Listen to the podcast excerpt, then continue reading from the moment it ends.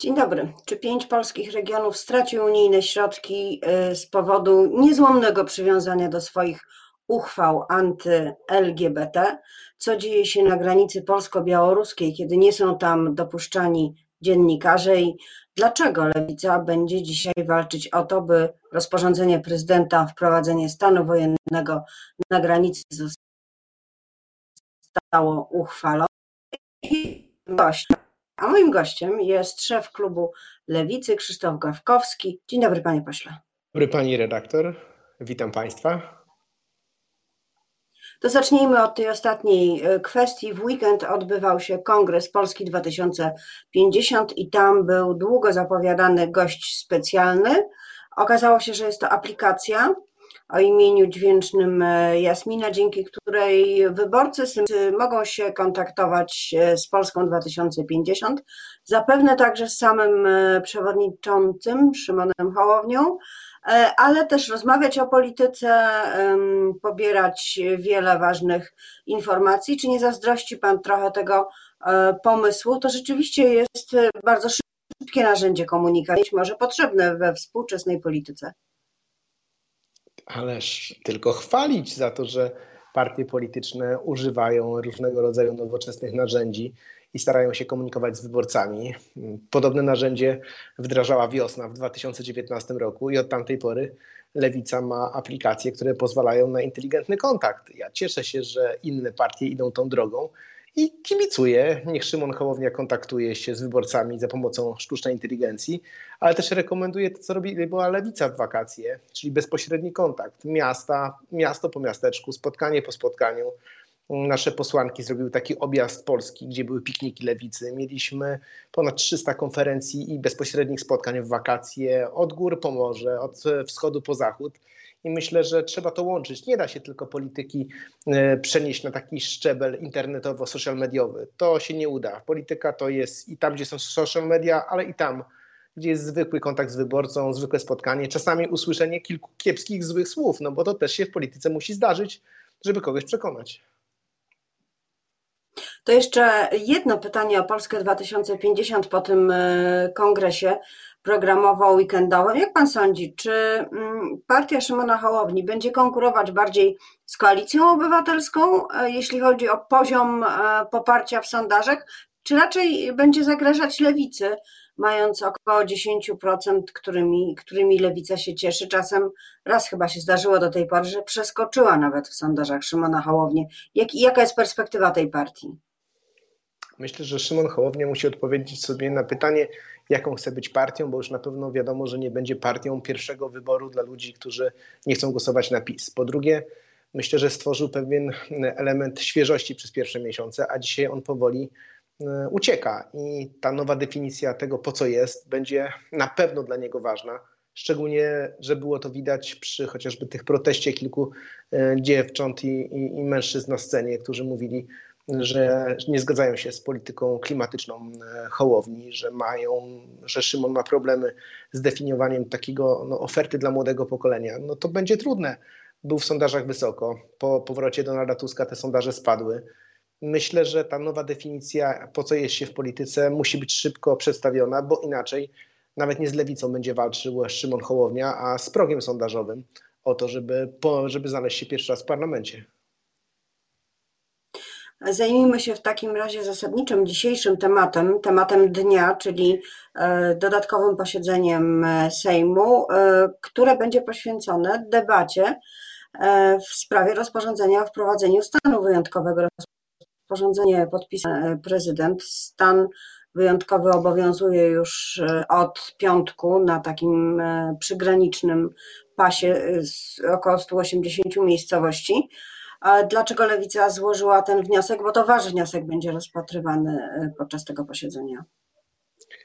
Nie zgadzamy się z wprowadzeniem stanu wyjątkowego na terenie ponad 180 miejscowości, skoro problem, na który powołuje się PiS, dotyczy 100 metrów kwadratowych i 32 osób. Konstytucja mówi jasno, że stany wyjątkowe wprowadza się w sytuacji, kiedy państwo sobie nie radzi. No to ja chcę dzisiaj zapytać, gdzie państwo sobie nie poradziło z problemem dotyczącym 32 osób, bo mamy ośrodki dla uchodźców, w których możemy szybko przyjąć te osoby, rozpocząć procedurę azylową i jednocześnie możemy sprawdzić wszystkie te osoby, czy to przypadkiem, tak jak głosi PiS, nie są terroryści.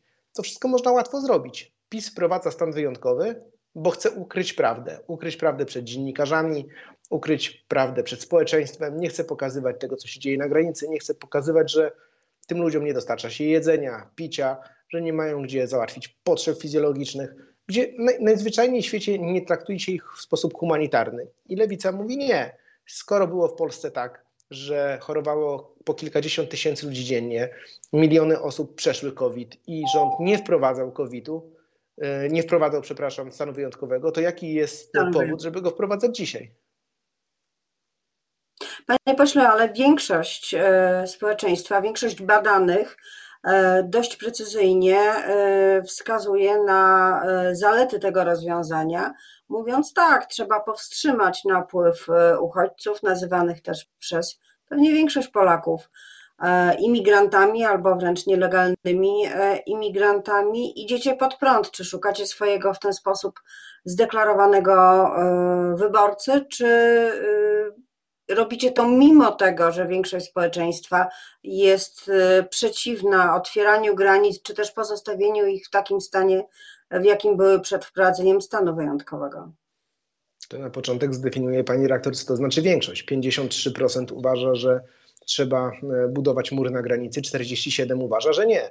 55% wskazuje, że rząd dobrą idzie drogą, 45% że nie. Więc my możemy powiedzieć, że mamy społeczeństwo bardzo w tej sprawie podzielone duża część społeczeństwa uważa, że po prostu rząd przesadza. 32 osoby na polskiej granicy, nie 300 tysięcy, nie 3 miliony, 32 osoby.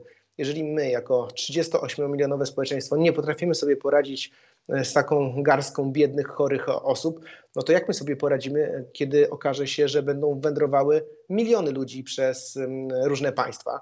To nie jest tylko tak, że my mówimy o imigrantach, bo łatwo jest to zrzucić na karp tego, że ktoś przyjeżdża tutaj, ucieka, żeby zarabiać lepiej. Ja jestem w stanie wskazać wśród tej grupy 32 osób wiele, które uciekało przed wojną, przed zagrożeniem życia i zdrowia. I wtedy to są prawdziwi uchodźcy i prawo międzynarodowe, konwencja genewska mówi jasno, że powinniśmy te osoby przyjąć. Zresztą jeżeli popatrzymy sobie na Bliski Wschód, popatrzymy sobie też na zmiany klimatyczne, które się toczą, to Europa, Unia Europejska jest przed falami uchodźczymi. One będą tutaj maszerowały, dlatego że tu jest spokojniejsze życie i albo my jako Unia Europejska będziemy umieli współdziałać i reagować na to razem, albo będziemy budowali mury, a ktoś będzie obalał te mury, ludzie będą umierali. No bo od czego się zaczyna? Zbudujemy mur, a później co? Jak ktoś zburzy ten mur, to będziemy do niego strzelali?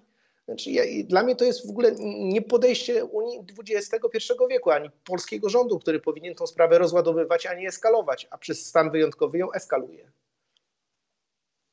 No dobrze, ale pan, pan mówi o problemie globalnym i o pewnej perspektywie czasowej. My musimy teraz, w tej już wobec tego, co dzieje się chociażby w Afganistanie, E, zamknąć granice i skutecznie zablokować przejście ludziom. Nie kiedyś, nie w przyszłości, nie z powodu zmian klimatu, tylko tu i teraz po wycofaniu się Amerykanów z Afganistanu musi być. E, rząd przyjął e, kilkaset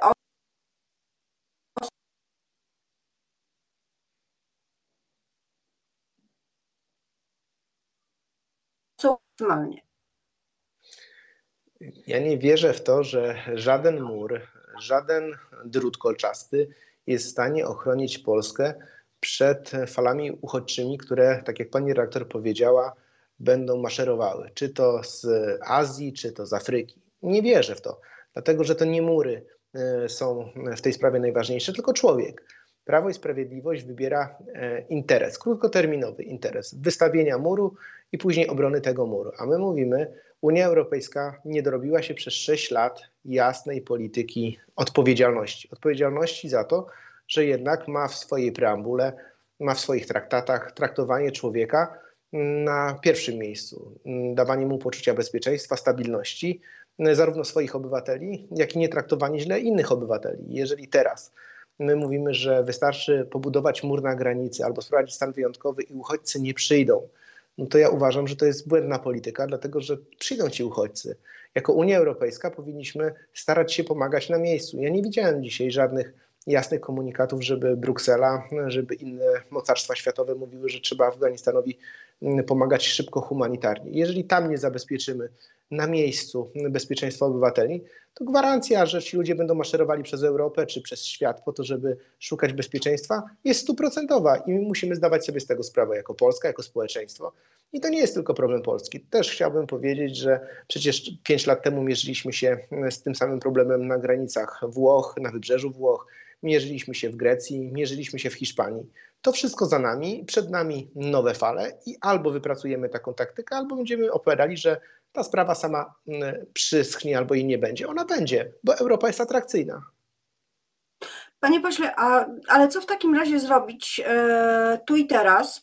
E, pan mówi o, o 30, e, oczywiście na terenie Białorusi za sprawą rejsów, e, choćby z Bagdadu, są tysiące osób, które chciałyby dostać się do Polski, potem ewentualnie e, do Niemiec. Jaka powinna być procedura e, prowadzona przez polskie państwo? Czy te osoby powinny po prostu przechodzić przez przejścia graniczne, czy powinny trafiać do ośrodków dla cudzoziemców? Tam już nie ma miejsc.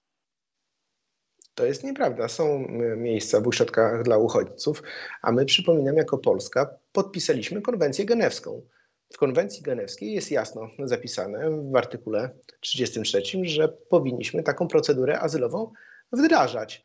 Jeżeli zobowiązaliśmy się do tego, jak inne państwa, że będziemy na polu prawa międzynarodowego wypełniali swoje zobowiązania, to dlaczego dzisiaj mamy je odrzucać?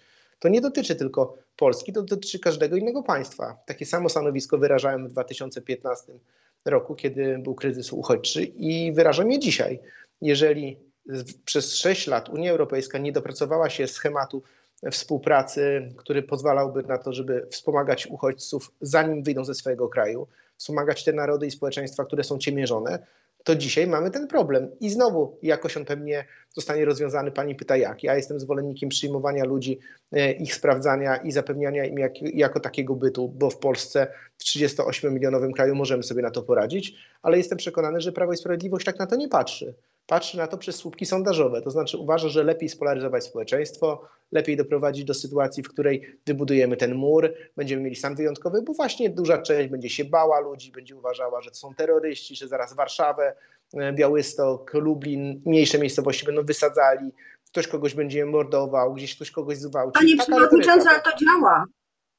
Ale to działa. E, PiS odnotuje wzrost poparcia. Dwa, trzy punkty ale rzeczywiście dochodzi teraz do 37. Jeszcze niedawno to było 32-33. Tak, dlatego w tej sprawie trzeba być bardzo transparentnym. Pani redaktor na początku zapytała o lewicę, dlaczego złożyliśmy ten wniosek. No właśnie dlatego, że trzeba być zgodnym ze swoim sumieniem i programem. I lewica tutaj nigdy nie miała innego stanowiska. Zawsze mówiła, uchodźcom pomagamy, Wsparcie humanitarne e, jest przede wszystkim, następnie wsparcie w krajach, w których ci ludzie uciekają, a jak ktoś dochodzi do granicy, to ich tutaj wpuszczamy i gospodarujemy, e, między innymi poprzez ośrodki uchodźcze. To nie jest coś, co się będzie zdarzało e, lawinami, ale trzeba być na taki wariant przygotowanym i Lewica tutaj ma jasne stanowisko. To na koniec e, chciałam zapytać, czy sądzi Pan, że Unii Europejskiej uda się przymusić, czy też zdyscyplinować regiony, e, na terenie których e, pewne gminy przyjęły sprzeciwiające się ideologii LGBT, czymkolwiek to jest, nawet się nie chcę, nie chcę wgłębiać, do tego, żeby te stanowiska cofnęły, grożąc brakiem dostępu do środków regionalnych, unijnych? To dwie kwestie. Po pierwsze, mm, ja muszę to podkreślić, nie ma żadnej ideologii LGBT, są ludzie, którzy mają inne wartości albo mm, inaczej patrzą na świat, a niekoniecznie mm, musimy ich e, stygmatyzować, mówiąc, że to jakaś ideologia. To jest retoryka PiSu, którą często uprawia i przez to różnego rodzaju samorządy wspierające PiS podejmowały uchwały niezgodne z prawem międzynarodowym przede wszystkim. I ja wspieram Unię Europejską w tym, co robi. To znaczy wyhamowanie środków z Unii Europejskiej będzie pokazywało, że nie ma zgody w Unii Europejskiej na to, żeby nakładać na obywatela jakiś, no, no, stygmatyzować go, dokonywać oceny jego wartości czy jego życia. W związku z tym karę ktoś musi ponieść. Jeżeli radni są w takich gminach nieodpowiedzialni, a oni są przedstawicielami społeczeństwa, to albo powinni odwołać te uchwały, albo społeczeństwo powinno zmienić radnych, dokonywać referendów, można odwoływać, można różnego rodzaju rady wójtów, burmistrzów czy prezydentów miast. Na szczeblu sejmiku wojewódzkiego też to jest możliwe i po prostu najzwyczajniej e, to wszystko cofać. Przecież nie chodzi o to, żeby wprowadzać jakieś dodatkowe elementy nacisku na kogokolwiek. Chodzi o to, żeby pieniądze mogły do, z Unii Europejskiej przyjść do miast, które zachowują standardy demokratycznego państwa prawa. Jeżeli ktoś ich nie zachowuje, no tak, to ale... powinien wiedzieć, że jest kara. Ale panie pośle, teraz obywatele, którzy y, sprzeciwialiby się takim uchwałom, e, mając inne zdanie albo nie widząc sensu ich e, wprowadzania, będą poszkodowani, będą cierpieć z powodu tych, którzy y, się za tym opowiadają i tych radnych i osób, które na nich głosują. To może to nie jest dobry sposób na dyscyplinowanie regionu. Dobry, dobry sposób. Albo w tej sprawie jest się ostrym, albo się nie jest, albo jest się nijakim. To tak jak w skali kraju Polska ma otrzymywać pieniądze z Unii Europejskiej, czyli żyruje się rządy Kaczyńskiego, mówiąc, że e, on może łamać prawo. Między innymi Fundusz Odbudowy Lewica głosowała w parlamencie za, ale pojechała do Unii Europejskiej, mówiąc, że jak będzie łamane prawo, to powinny być te wstrzymywane pieniądze, nie zabierane, wstrzymywane, na przykład na dwa lata do wyborów i po wyborach powinniśmy je otrzymać ponownie, jak się władza zmieni. Władza, która łamie prawo, powinna być zmieniana. W parlamencie polskim jest tego trudno dokonać, ale w samorządzie mogą to dokonać ludzie. Mogą ogłosić referendum, wymienić radnych, odwołać uchwałę i pieniądze będą płynęły. Wszystko zależy od naszej mobilizacji społecznej. Jeżeli przedstawiciele społeczeństwa, radni, czy wójt, czy burmistrz wprowadza takie prawo, to takiego wójta po prostu albo radny trzeba wyrzucić. I to było stanowisko bardzo zdecydowanego i ostrego przewodniczącego klubu Lewicy, za co bardzo dziękuję i życzę dziękuję wszystkim bardzo. miłego politycznego dnia. Dzięki.